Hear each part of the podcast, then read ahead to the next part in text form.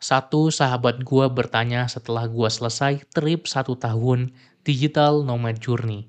Apa sih Mar satu insight, satu pelajaran utama yang lo ambil satu tahun ini? Akan gua share di episode kali ini. Simak selengkapnya. Halo, selamat datang di podcast Cerita Pembelajar. Kamu akan mendengarkan cerita mengenai pengalaman, gagasan, dan pembelajaran.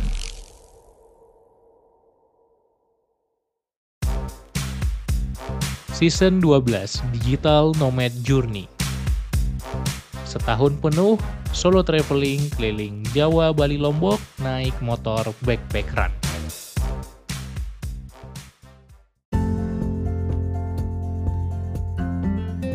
Halo halo pembelajar, kembali lagi di podcast Cerita Pembelajar Season 12 Digital Nomad Journey. Kali ini gue pengen cerita tentang satu pertanyaan yang disampaikan oleh sahabat gue. Dia adalah teman satu SMA gue, kemudian kuliah sama-sama merantau dari Medan ke Bandung. Sama-sama di Bandung juga kita satu rumah e, ngontrak dan kita juga sama-sama satu jurusan. Kita sering belajar bareng, sering main bareng, dan sampai sekarang menjadi sahabat gue. Kita pernah bikin bisnis bareng juga, dan gue pengen share apa yang dia tanyakan dan apa jawaban gue saat itu saat gue selesai ngelakuin digital nomad journey. Jadi sekitar bulan April 2023, Maret atau April gue lupa. Dan tiba-tiba gue pengen aja ngobrol sama sahabat gue yang udah lama kita nggak telepon ini. Kita telepon gitu kan, sempat dia juga pengen ngobrol duluan, terus gue tanya mau bahas apa, ada apa? Oh nggak ada, pengen catch up aja, ngobrol-ngobrol aja. Ya udah kita ngobrol-ngobrol, sebagaimana sahabat lama ngobrol-ngobrol lewat telepon, dan dia tanya, jadi apalah Mar gitu ya kalau bahasa orang lain gini ya. Jadi dari kau apalah wa yang kau dapatkan satu tahun ini? Apa pelajarannya yang kau bisa bagikan lah ke awak? Kurang lebih gitu kalau bahasa Medannya. Dan habis itu aku jawab ya. Dari satu tahun perjalanan yang penuh makna ini. Sebenarnya gue pengen mencari banyak keluar. Artinya menjelajah melihat berbagai kota baru, budaya baru, orang baru, culture baru, bahasa baru, mungkin tempat baru. Tapi semakin banyak gua mencari keluar, malah semakin banyak gua menemukan ke dalam. Wow, deep banget ya. Semakin banyak gua mencari keluar, maka semakin banyak gua menemukan ke dalam. Aneh ya, gua nggak mencari, gua nggak mendapatkan apa yang gua cari, tapi justru mendapatkan yang jauh lebih berharga. Semakin gua mencari ke berbagai tempat, trip ke sana sini sana sini. Justru sebenarnya jawabannya ada di dalam diri sendiri. Dan ternyata ini adalah bukan sekedar digital nomad journey, tapi self awareness journey. Ketika gue ngelakuin solo traveling, gue berada di lokasi wisata, tempat wisata di mana gue sendiri dengan diri gue sendiri. Karena gue sendiri sebagian besar. Tentu gue ada ketemu teman-teman juga, teman-teman di daerah-daerah yang gue kunjungi, gue akan jalan-jalan sama mereka.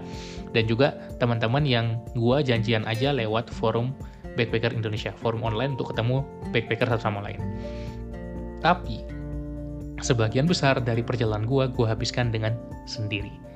Dan ketika kita sendiri, maka ya udah, tidak ada lagi orang lain yang kita ajak bicara, kita pun akan berbicara dengan diri kita sendiri.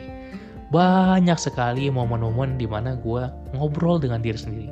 Yang momen-momen ini gak gue dapatkan sebelum gue melakukan digital nomad journey. Sebelum gue ngelakuin solo traveling ini momen-momen ini hanya muncul ketika gue solo traveling. Memang gue bisa merekam momen-momen ini ketika gue refleksi, meditasi, journaling, tapi rasanya tuh nggak sama. Kenapa? Paling berapa menit lah refleksi, meditasi, journaling, mungkin 10 menit, 15 menit. Tapi ketika di momen gue, ya udah di atas sebuah bukit di Lombok atau di sebuah air terjun gue sendiri aja di situ dan memang sepi tempatnya di Bali dan banyak lagi tempat-tempat lainnya di Nusa Penida dengan keindahannya gue bisa merenung sendiri, merefleksikan tentang hidup gue selama ini, mencoba merenung apa yang akan gue lakukan, gimana ke depannya, menikmati momennya, mensyukuri setiap nikmat yang gue punya. Dan juga yang lebih terutama lagi, ketika gue di motor perjalanan jauh. Ketika gue berada di sebuah tempat destinasi wisata atau di sebuah kota dan gue sendiri, biasanya gue masih bisa uh, sambil ngelakuin hal lain gitu ya kita multitasking di era sekarang yang mana kita perlu kurangi kebiasaan itu dan banyak sekali uh, kerjaan, distraksi, notifikasi dan seterusnya. Tapi ketika gue hanya dengan diri gue sendiri di motor perjalanan, pagi-pagi berangkat dari satu kota ke kota selanjutnya, itu adalah momen-momen menyenangkan yang pingin gue ulang lagi. Kenapa? Karena itu adalah momen-momen di mana tiga jam full gue dengan pikiran gue sendiri. Ya of course kalau kita udah bisa naik kendaraan, bisa nyetir, kita kan autopilot. Tapi yang sisa dari fokus perhatian kita, dari perhatian kita, ruang perhatian kita, itu adalah ya pikiran itu sendiri. Dan di situ gue banyak merenung, banyak berpikir, banyak berefleksi, banyak berpikir, banyak berpikir ke yang masa lalu dan berpikir ke masa kini dan berpikir ke yang masa depan. Semuanya. Terkadang benar-benar mindful, menikmati udara sepoi-sepoi ketika di perjalanan. Gue masih ingat satu tempat di mana gue seneng banget itu di Lombok, di bagian barat ya, barat daya kalau nggak salah. Di situ banyak sekali bukit-bukit dan di situ perjalanannya banyak sapi-sapi yang berkeliaran di jalan. Itu kerbau-kerbau juga banyak. Dan ada satu momen gue naik motor itu kayak lereng gitu ya, turun terus bukit, tapi jalan raya. Dan itu wah pemandangannya indah banget cuy. Asli pemandangannya indah banget dan anginnya juga enak banget. Di situ gue sangat-sangat bersyukur Kenapa? Karena gue ngelakuin ini sering kali ya di hari kerja kan Senin sampai Jumat gue juga sama jalan-jalan trip juga. Gue sangat bersyukur. Satu hal yang sangat gue syukuri adalah gue memilih jalan ini. Banyak komponen-komponen syukur yang gue ucapkan untuk diri gue sendiri. Gue bisa kerja kapan aja, di mana aja, sebebas gue, semau gue, sekreatif gue. Karena gue menjadi seorang kreator, menjadi seorang coach, trainer, remote working. Gue nggak perlu ada kantor yang gue datangin tiap hari. Dan gak banyak orang yang punya kesempatan kerja kayak gue dan gue sangat mensyukuri itu. Gue bisa kerja dengan punya dalam tanda kutip passive income karena gue bikin ebook online course.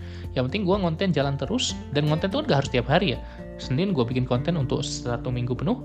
Setelah itu ya udah tinggalin aja konten jalan terus. Nanti akan ada terus yang beli ebook atau e-course gue dan gak banyak orang yang bisa seperti itu sebagian besar orang ya udah kerja jam 9 sampai jam 5 pada umumnya. Dan kemewahan untuk memilih mau ngapain apa itu gue miliki. Jadi gue bersyukur dengan itu. Dan yang paling gue syukuri tadi apa? Gue memilih jalan ini. Dengan sebegitu banyak tantangannya beratnya seperti apa. Benar-benar uh, satu hal yang gue syukuri. Dan akhirnya yang bikin gue takjub adalah ternyata momen-momen ini tidak akan datang kalau tidak kita ciptakan. Momen untuk ngobrol dengan diri sendiri, momen untuk berefleksi hanya dengan diri kita sendiri, itu adalah momen-momen yang harus kita buat. Terserah apakah kita bisa membuatnya sehari-hari, atau ketika kita perlu momen tertentu kita ciptakan, tapi momen ini harus ada dan ini yang membuat gue bener-bener ngerasa utuh bener-bener tahu tujuan hidup gue apa bener-bener tahu purpose gue di dunia ini mau ngapain bener-bener tahu apa yang mau gue lakukan punya blueprint untuk ke depannya punya roadmap di karir gue mau ngapain aja. Dan terima kasih untuk perjalanan ini yang memberikan gue banyak momen-momen tadi. Itu yang gue jawab ke sahabat gue bahwa semakin banyak gue mencari keluar maka justru gue menemukan ke dalam dan bukan berarti mencari keluar itu tidak perlu, tentu saja perlu. Kita perlu cari insight dari orang lain, sudut pandang orang lain, sehingga memperkaya sudut pandang dan wawasan kita. Namun tetap saja kita juga perlu mendengarkan ke dalam. Ini adalah satu pertanyaan yang aku ingin kamu renungkan. Selama ini, kamu lebih banyak bertanya ke mana? Bertanya keluar atau juga bertanya ke dalam? Bertanya keluar dengan bertanya ke mentor kita, bertanya lewat membaca buku, lewat mengikuti training, pelatihan, course, kita mencari informasi dari luar. Tapi apakah kamu juga sama seringnya bertanya ke dalam? Karena sesungguhnya hatimu bersuara. Hatimu punya sesuatu yang ingin dilakukan, tapi mungkin tertutup dengan tuntutan, ekspektasi, penilaian dari orang-orang di sekitar kita. Sekalipun itu teman-teman terdekat kita, sekalipun kita dapatkan dari keluarga kita awalnya ketika gue ngelakuin trip ini wah keluarga gue orang tua gue apalagi khawatir banget pastinya. Ya lu gila aja lu keliling pulau-pulau pulau tuh Jawa Bali Lombok itu lu naik motor dan lu sendiri kalau terjadi apa-apa di jalan gimana? Ya wajar lah orang tua khawatir. Teman-teman gue juga ngapain sih marah apa yang lo cari? Ya wajar aja. Dan teman-teman dekat gue yang peduli dengan gue bahkan ketika awal gue memilih jalur sebagai seorang self employed ya mereka juga khawatir karena mereka peduli tapi pada akhirnya gue tidak memilih jalur yang default. Ya defaultnya gampang. Sekarang gue tinggal lulus gue jadi engineer atau gue jadi dosen. Menurut gue itu jalur yang mudah untuk gue yang lulusan S2 teknik elektro. Teknologi informasi gue punya ilmunya. Tapi itu bukan panggilan hati gue itu adalah jawaban yang gue peroleh dengan bertanya keluar. Tapi jawaban yang gue peroleh ketika gue bertanya ke dalam inilah yang gue inginkan. Dan akhirnya gue bersyukur sekali memilih jalan ini dan teramplifikasi saat gue melakukan perjalanan satu tahun penuh digital nomad. Nah, sekali lagi pertanyaan buat lo, apakah lo sudah cukup mendengar ke dalam? Terima kasih, sampai jumpa di episode berikutnya. Salam pembelajar.